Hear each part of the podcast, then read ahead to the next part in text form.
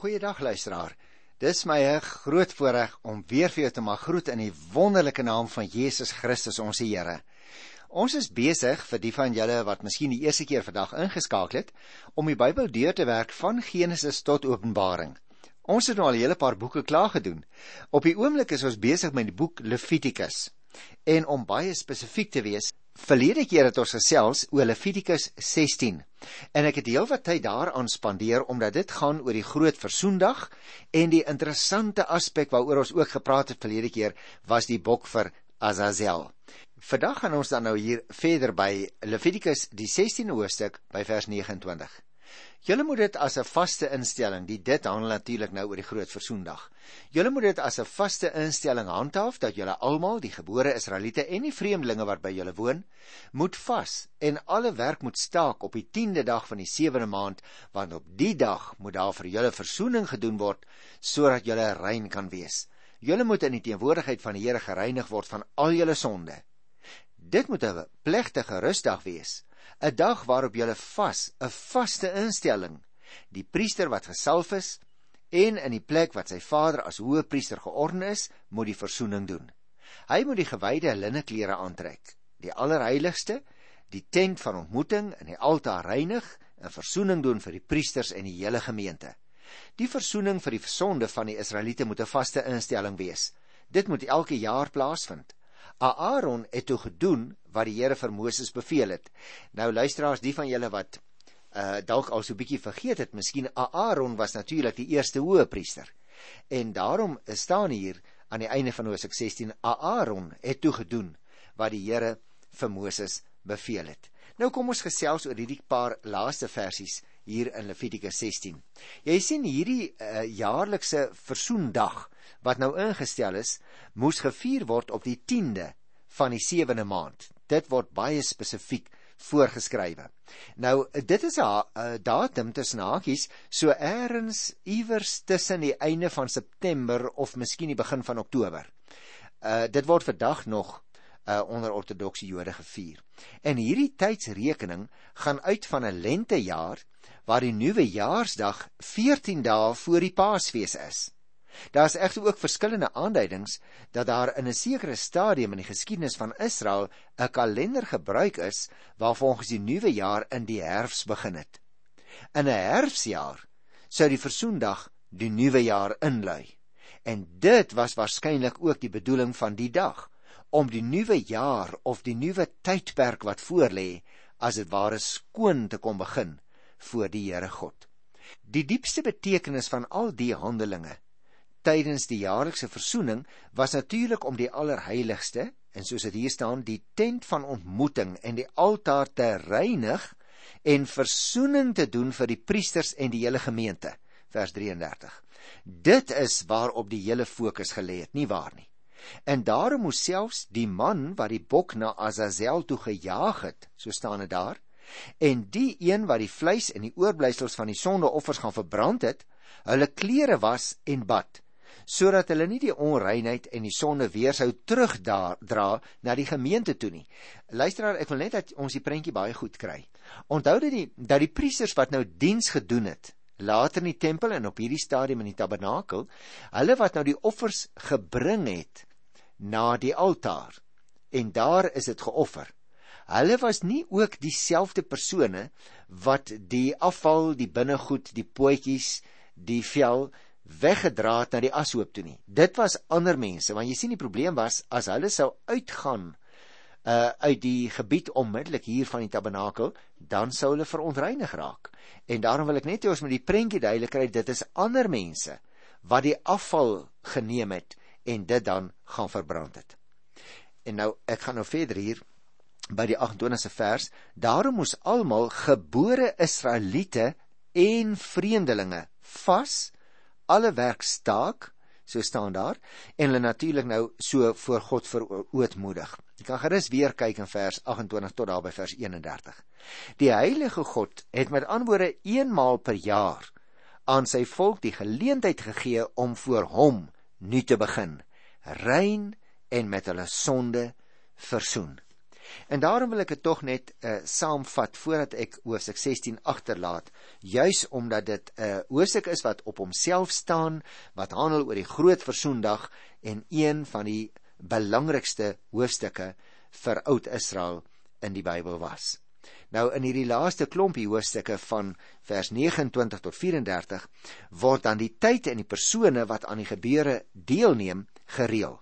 En hierdie seremonie moes eenmaal per jaar in die 7de maand voltrek word. Ek het net nou vir julle gesê so rondom einde September begin Oktober en uit die aard van die saak as ons dit so lees kom jy agter dit moes 'n baie baie plegtige rusdag wees waarop die hele volk moes vas en hulle moes hulle van hulle gewone werk weerhou om dit as 'n Sabbatdag aan die Here te wy.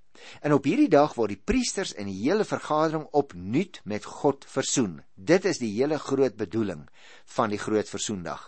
En so kon hulle dan 'n nuwe jaar begin met hulle sonde vergewe en rein en aanvaarbaar vir die Here wees. Ek wil net 'n paar breë lyne trek met die oog op die Nuwe Testament.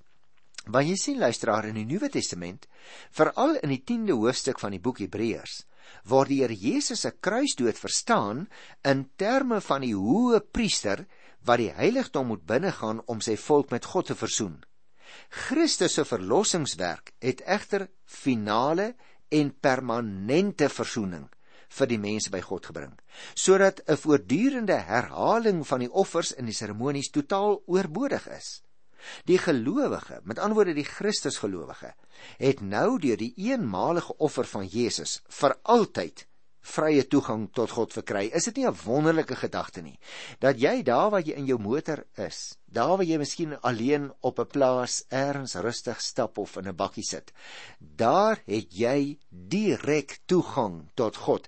En ons wat hier in die groot stede, stede woon, hier waar ek in Limpopo in Pretoria woon, selfs al sou jy in die hoogste gebou in ons stad opgaan, dan hoef jy nie nader te probeer kom aan God in 'n hoë gebou soos wat die heidene destyds gedoen het nie. Nee.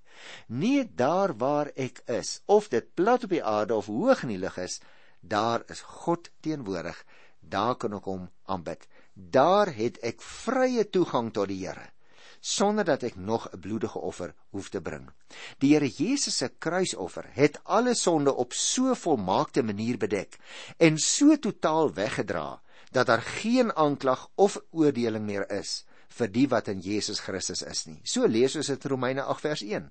En daarom kan jy en ek met opregte hart en met volle geloofsekerheid sonder enige skuldige gewete gereinig en volkome aanvaarbaar voor die Here gaan staan. En met hierdie vrymoedigheid mag jy en ek dit durwaag om in Jesus Christus ons hele lewe te leef deur en in en tot God die enigste Here. En daarom luisteraars wil ek graag vir jou voordat ek afstap van uh Levitikus 16 net enkele verse lees hier by Hebreërs 10 vers 21 tot 23. Luister na hierdie wonderlike wonderlike woorde wat hier staan. En terwyl ons hom, dit is nou Christus, en terwyl ons hom ook as groot priester oor die huis van God het, laat ons tot God nader. Luister nou mooi. Laat ons tot God nader met 'n opregte hart en met volle geloofsekerheid. Ons harte is immers gereinig van 'n skuldige gewete. En ons liggame is gewas met skoon water. Laat ons styf vashou aan die hoop wat ons bely. Want God is getrou. Hy doen wat hy beloof het. En luisteraars is absoluut wonderlike hemelse uitsprake en woorde wat ons hier het. As daar dus by jou ook in hierdie dag 'n skuldige gewete is, soos die Hebreërs skrywer dit hier noem, luister na sy woord. Ons harte is immers gereinig van 'n skuldige gewete en daarom kan ons met skoon gewete voor die Here lewe. En as ons oortree, kan ons ons sondes bely en God vergewe ons, nie omdat ons dit bely nie, maar omdat ons dit bely en aan die voete van Christus lê. Ons beroep ons daarmee op die soenverdienste van Jesus Christus en dit is op grond waarvan ons vergewe word. En dit bring ons nou luisteraars by Levitikus die 17de hoofstuk. En miskien hou jy in gedagte dat ek gesê het die boek Levitikus het 6 afdelings. Die laaste afdelingkie, daarby gaan ons nog kom met net een hoofstuk. Maar ons is nou hier by die 5de groot afdeling wat hier begin. En dit gaan strek van Levitikus 17 vanaf vers 1 tot aan die einde van hoofstuk 26. So kom ons begin op nog so 'n klein stukkie avontuur hier in die boek Levitikus en ek uh, wil eers vir jou 'n kort oorsig gee van hoofstuk 17. In Levitikus 17 tot aan die einde om die waarheid te sê by hoofstuk 26 gaan dit op 'n baie besondere manier oor die enkel begrip heilig. Jy sien die kerngedagte van hierdie hoofstukke in Levitikus word saamgevat in wat daar geskryf is in die 19de hoofstuk vers 2. Wees heilig, want ek, die Here jou God, is heilig. Let nou op luisteraar. Nie net Moses of Aaron of die priesters uh, was heilig nie, maar almal is opgeroep om heilig te wees. Die lewe van die Israeliete moes met ander woorde in elke opsig daarvan getuig dat hulle aan God die Here behoort tussen hakies net soos die boek van die verbond wat ons behandel het in Eksodus 20 tot aan die einde van Hoofstuk 23. Net soos uh in die boek van die verbond en die wette van Deuteronomium waarby ons nog sal kom, word hier voorskrifte gegee vir die regte manier van aanbidding. Ook voorskrifte oor vervloeking en seëninge vir die pligte wat die volk moes uitvoer ten opsigte van die land en vir die feestydde wat hulle moes hou die hele tyd. Nou dit in die algemeen. Wat hoofstuk 17 spesifiek betref, net 'n enkele opmerking of twee. Want jy sien hierdie gedeelte bestaan uit vier voorskrifte wat telkens begin met 'n verwysing na die Israeliete. Elkeen van hierdie klein afdelingkies begin naamlik op 'n sekere manier en ons kry dit in vers 3 en vers 8 en vers 10 en vers 15. En elke voorskrif Op die een of ander manier het dit te doen met offers en bloed. En dit eindig telkens met 'n waarskuwing aan die wat nie die voorskrifte sou gehoorsaam nie. Nou goed.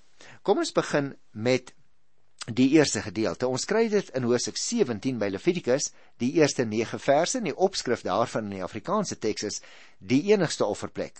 Die Here het vir Moses gesê: sê vir Aaron, die priesters en al die Israeliete, die Here het beveel. Elke Israeliet wat 'n bees of 'n skaap of 'n bok in die kamp of buite die kamp slag en nie by die ingang van die tent van samekoms waar hy voor die heiligdom van die Here 'n deel as gawe aan die Here kan gee nie, is skuldig aan bloedvergieting. So iemand het bloed vergiet en sal van sy volksgenote afgesny word. Die bedoeling is dat die Israeliete nie meer diere in die veld moet slag nie, maar dit vir die Here moet bring. Hulle moet dit na die ingang van die tent van die ontmoeting na die priester toe bring en daar slag as maaltydoffer vir die Here. En dan kry ons nou weer die voorskrif hoe die priester dit moet hanteer, maar let nou op die 8ste vers. Verder moet jy vir hulle sê: Elke Israeliet en elke vreemdeling by julle wat 'n brandoffer of enige ander offer wil bring, moet dit vir die Here bring by die ingang van die tent van ontmoeting. En luister nou, sluit hy af. As iemand dit nie doen nie, sal hy van sy volksgenote afgesny word. Die eerste voorskrif wat ons nou hier kry in die eerste 7 verse, bepaal dat makdiere alleen by die heiligdom geslag moes word en wel as 'n maaltydoffer vir die Here.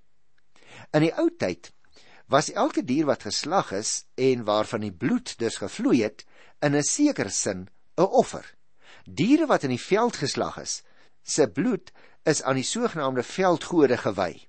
Kyk maar so 'n bietjie by vers 7. Maar die eerste gebod het dit ten strengste verbied. Israel mag dit nie gedoen het nie. Die bloed en die vet van die diere wat geslag is, het aan die Here behoort en moes aan hom afgestaan word. Die enigste plek waar dit nou gedoen mag word, staan hier, was by die heiligdom, nie meer in die veld nie. Die straf vir iemand wat dit nie gedoen het nie, was dat hy van sy volksgenote afgesny sou word, sê die 4de vers. Nou luister as dit beteken natuurlik dat die Here so iemand nie meer erken het as 'n deel van sy volk nie en dat hy hom met die een of ander ramp sou tref wat hom later sou laat sterwe. Dit was immers die straf van bloedvergieting, soos die 4de vers dit noem. Daar was bepaal dat die voorskrif vir elke Israeliet geld, vers 3, en ook vir alle toekomstige geslagte, vers 7. Ons moet egter aanvaar dat dit alleen prakties uitvoerbaar was gedurende die Israelitiese verblyf in die woestyn en ook dan 'n kort rukkie na die ballingskap toe die gelowiges in en om Jerusalem gewoon het. Dit is daarom vir my nie verbasend nie dat Deuteronomium 12 van die 20ste vers af 'n ander reëling gee as die wat ons nou hier kry, maar ek sal later daaroor praat. En dan net 'n spesifieke opmerkingie oor vers 8 en 9. Want jy sien in aansluiting by die voorafgaande bepaal die twee voorskrifte dat alle offers aan die Here alleen gebring moes word en wel by sy heiligdom naamlik by die tent van ontmoeting se ingang. As ek hierdie eerste 9 verse moes saamvat, dan sou ek dit wou sê luisteraars, uh om heilig en toegewy aan die Here te lewe, vereis dat hy alleen, maar soos van alleen aanbid moet word. Om te verhoed dat afgode ook gedien word en offers aan die veldgode gebring word, het die Here nou beveel dat elke offer by die tent van ontmoeting geslag moet word. Sodoende word aan God alleen die eer gegee en die offers volgens sy voorskrifte gebring en die regte verhouding met die Here gehandhaaf. Die persoon wat nie by hierdie voorskrif gehou het nie, het bymotiewe gehad en daarom sê die Here nou word hy nie langer deur die Here as deel van sy heilige volk beskou nie. Die Here verwerp hom en hy word uiteindelik uitgeban uit die volks en die geloofsgemeenskap. Nou dit bring my by die tweede afdeling hier in Hosea 17, naamlik die verbod om bloed te eet, vers 10 tot 12 in Levitikus 17. Elke Israeliet en elke vreemdeling by julle wat enige bloed eet, sal ek straf. Ek sal hom van sy volksgenote afsny, omdat die lewe van 'n die dier in sy bloed is. Het ek die bloed vir julle gegee om op die altaar verzoening te doen vir julle sondes omdat bloed verzoening bring deur die lewe wat daarin is, beveel ek elke Israeliet en elke vreemdeling by julle om geen bloed te eet nie. Nou ek dink dit is belangrik as ons hierdie derde voorskrif wat ons nou hier kry luisteraars, naamlik uh, vir die eerste to, uh, twee voorskrifte was dit vers 3 tot 9 en uh, dit kan jy weer daar gaan lees. Maar die herhaling wat ons nou hier kry, beklemtoon juis die erns van die saak. Daar word twee redes vir hierdie verbod genoem. Nommer 1, die bloed was die draer van lewe, skryf in vers 11 en later ook in vers 13, en die lewe natuurlik behoort aan God. En daarom was elkeen wat die lewe, dit wil sê die bloed, nie reg hanteer het nie, skuldig voor God. Die tweede rede uh vir die verbod is dat God bloed gegee het om verzoening te doen. So lees ons ook in vers 11. Die bloed of die lewe van 'n die dier wat by die altaar uitgestort is, het die lewe van die sondaar gered. Die lewe of die bloed dan as jy wil van die dier het die sonde voor God bedek of weggeneem en so die saak tussen God en die mens reggestel. Kom ek stel dit net anders om luisteraars. Daar moes met bloed betaal word vir mense om weer in die regte verhouding met God te kom. Dit was in die Ou Testament alreeds die bewys dat die sondaar met 'n plaasvervanger vir sy eie lewe betaal het. En as die bloed dus gedrink sou word, sou die bewys van die offer daardeur vernietig word. Nou kan jy en ek met vreugde leef aan ons weet Jesus Christus het die laaste bloedige offer gebring. En daarom wil ek nou net die laaste gedeelte ook nog behandel uh met jou hier in Levitikus by die 17de hoofstuk hier van vers 13 af. Luister nou mooi. Elke Israeliet en elke vreemdeling wat 'n rein wille dier of voelslag moet dit laat uitbloei en die bloed met grond toemaak. Omdat die bloed van enige dier sy lewe is beveel ek julle Israeliete dat julle geen bloed mag eet nie. Omdat die bloed van enige dier in sy lewe is sal elkeen wat dit eet doodgemaak word.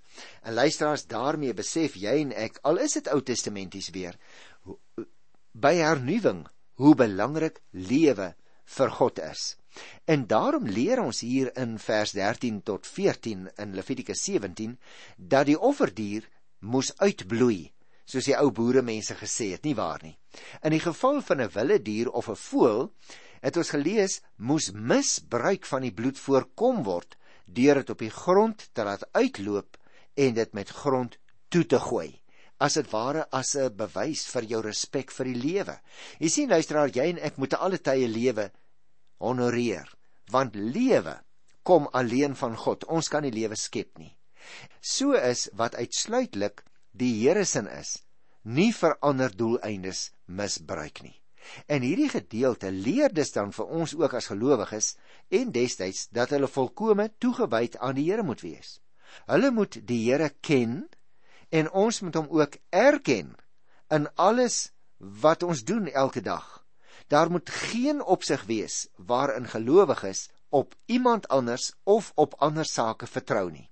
Onthou jy nog, toe Jesus aan gelowiges gesê het om sy bloed te drink, daar in Johannes 6 vers 54 en 55, het hy dit natuurlik nie letterlik bedoel nie, maar wou hy juis sê dat alle gelowiges volkome met hom en op sy finale sondoffer sal vertrou en identifiseer. Hy wil hê dat ons volledig in hom moet lewe en hy wil ook volledig deel hê aan ons eie lewens. En daarin die beskuldiging wat soms deur ongelowiges gemaak is in die kerkgeskiedenis dat eh uh, Christene mensvreters is want hulle eet en hulle hulle drink bloed, mensbloed, is natuurlik nie onwaar nie, dit getuig doodgewoon van onkunde. Maar ons het dus hierdie gedagte in die Ou en Nuwe Testament alreeds dat bloed versoen. En dit is uiteindelik hoekom die offerbloed van die Here Jesus ook gestort moes word. Die laaste 2 versies hier in Levitikus uh 17 is ook baie interessant. Luister wat staan hier. Enige persoon onder julle, of hy nou 'n gebore Israeliet of 'n vreemdeling is, wat 'n dier eet wat gevrek het of deur roofdiere verskeur is, moet sy klere en homself was. Hy sal die res van die dag onrein wees. As hy nie sy klere en homself was nie, moet hy die gevolge dra. Nou ek dink ons kan duidelik sê in die lig van die voorafgaande, sou mens verwag dat enige dier wat nie behoorlik uitgebloei het nie, vir die Israeliete verbode sou wees. En tog word nie Samir verbied dat in Eksodus 22 vers 31 en Deuteronomium 14 vers 21 nie maar word slegs gesê dat die persoon wat dit wel doen onrein is. Dit was dus nie 'n oortreding om so dier te eet nie, maar wel om na te laat om jou klere te was en te bad en tot die aand weg te bly van die wat dit glo. Nou luisteraars, ek dink aan die einde van uh, Levitikus 17 is daar ook een ding wat dan uitstaan soos 'n paal bo water. Die onuitspreeklike en die onverstaanbare reinheid van God. Dat hy die heilige een is dat jy en ek na hom moet kyk vir wie absoluut rein is ons kan alleen met die rein God die onbesproke God versoen word deur bloedstorting in die Ou Testamentiese periode deur offerdiere wat gebring is in die tyd van die Nuwe Testament dank die Here vir die offer van Jesus Christus die sondelose. In sy wonderlike naam groet ek jou tot volgende keer en tot dan. Totsiens.